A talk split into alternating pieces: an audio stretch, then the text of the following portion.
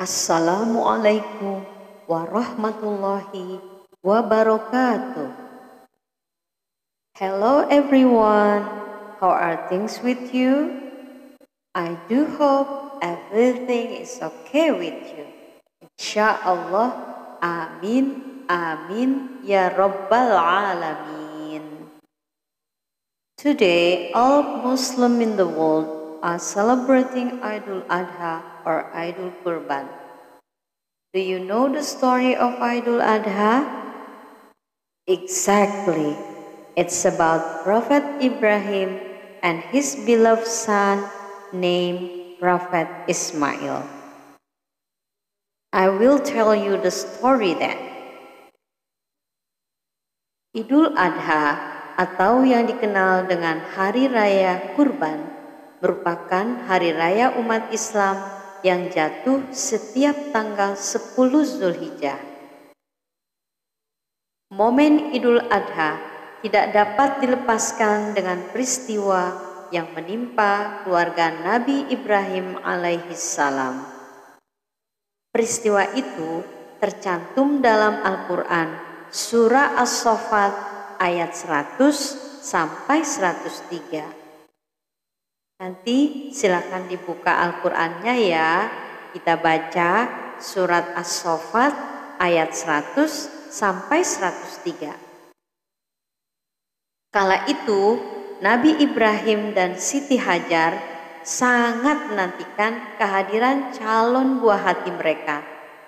Untuk itulah mereka tak henti-hentinya berdoa kepada Allah Subhanahu wa taala agar diberikan keturunan yang dapat melanjutkan misi dakwah mereka. Kemudian datanglah malaikat yang membawa kabar gembira bahwa mereka akan dikaruniai seorang putra yang cerdas lagi sabar, yaitu Nabi Ismail alaihissalam. Namun, setelah Nabi Ismail menginjak usia remaja, Nabi Ibrahim mendapatkan perintah dari Allah Subhanahu wa taala melalui mimpinya yaitu untuk menyembeli putra kesayangannya Nabi Ismail. Mendengar cerita ayahnya soal mimpi tersebut, sikap Nabi Ismail justru mengejutkan. Ia berkata kepada ayahnya, "Wahai ayahku, kerjakanlah apa yang diperintahkan kepadamu, termasuk perintah untuk menyembelihku. Insya Allah, engkau akan mendapatiku termasuk orang-orang yang sabar. Itu ucapan Nabi Ismail kala itu. Lalu dikerjakanlah perintah Allah tersebut. Namun Allah mengutus malaikat untuk menggantikan posisi Nabi Ismail dengan seekor domba. Peristiwa ini kemudian menjadi titik awal kemunculan lahirnya Hari Raya Idul Adha yang juga bertepatan dengan kegiatan pelemparan jumroh bagi jamaah haji di tanah suci Mekah. Sikap yang diambil oleh Nabi Ismail mencerminkan sikap seorang yang sabar serta percaya bahwa mimpi tersebut merupakan kebenaran yang datang dari Allah.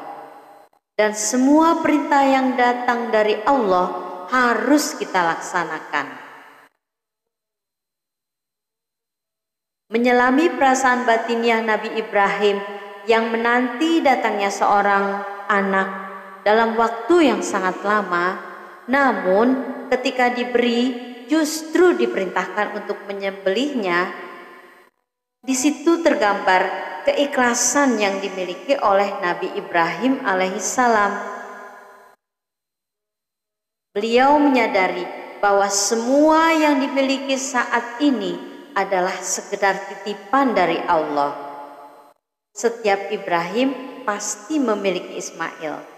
Ismail yang kita miliki sekarang bisa berupa harta, jabatan, keluarga, prestasi, seseorang yang paling kita sayangi, atau bahkan sesuatu yang sangat kita pertahankan di dunia ini. Maka sebenarnya yang dikurbankan oleh Nabi Ibrahim alaihissalam kala itu bukanlah putranya, melainkan rasa kepemilikannya terhadap Nabi Ismail. Segala sesuatu yang kita miliki di dunia ini hanyalah titipan dari Allah. Maka kita harus belajar untuk ikhlas ketika semua harus kembali kepada pemiliknya serta menjaganya dengan baik selagi masih dititipkan kepada kita. Melalui peristiwa yang dialami oleh Nabi Ibrahim dan Nabi Ismail ini, kita dapat menyimpulkan tiga hal penting.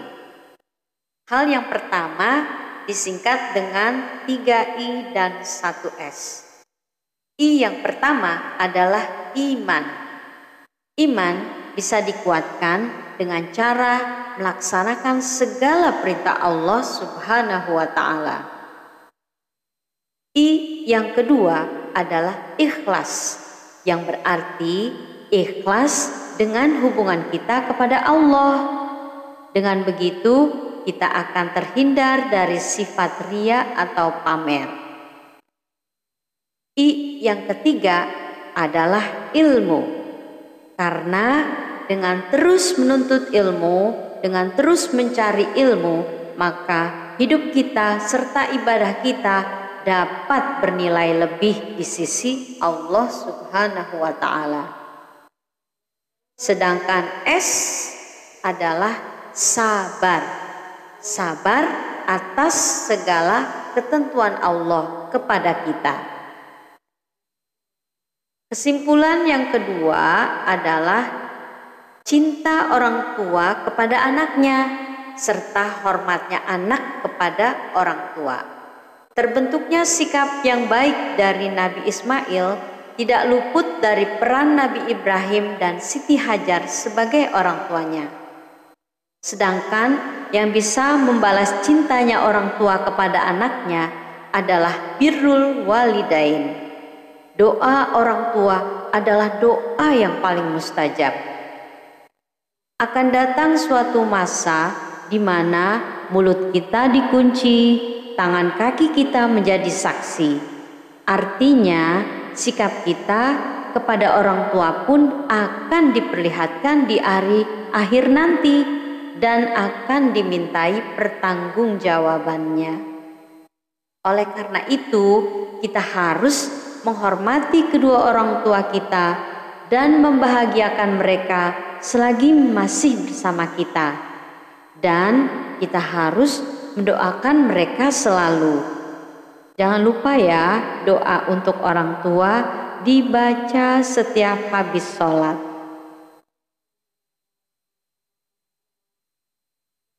Poin yang ketiga dari kisah itu adalah terbangunnya keluarga yang sakinah, mawadah, warohmah.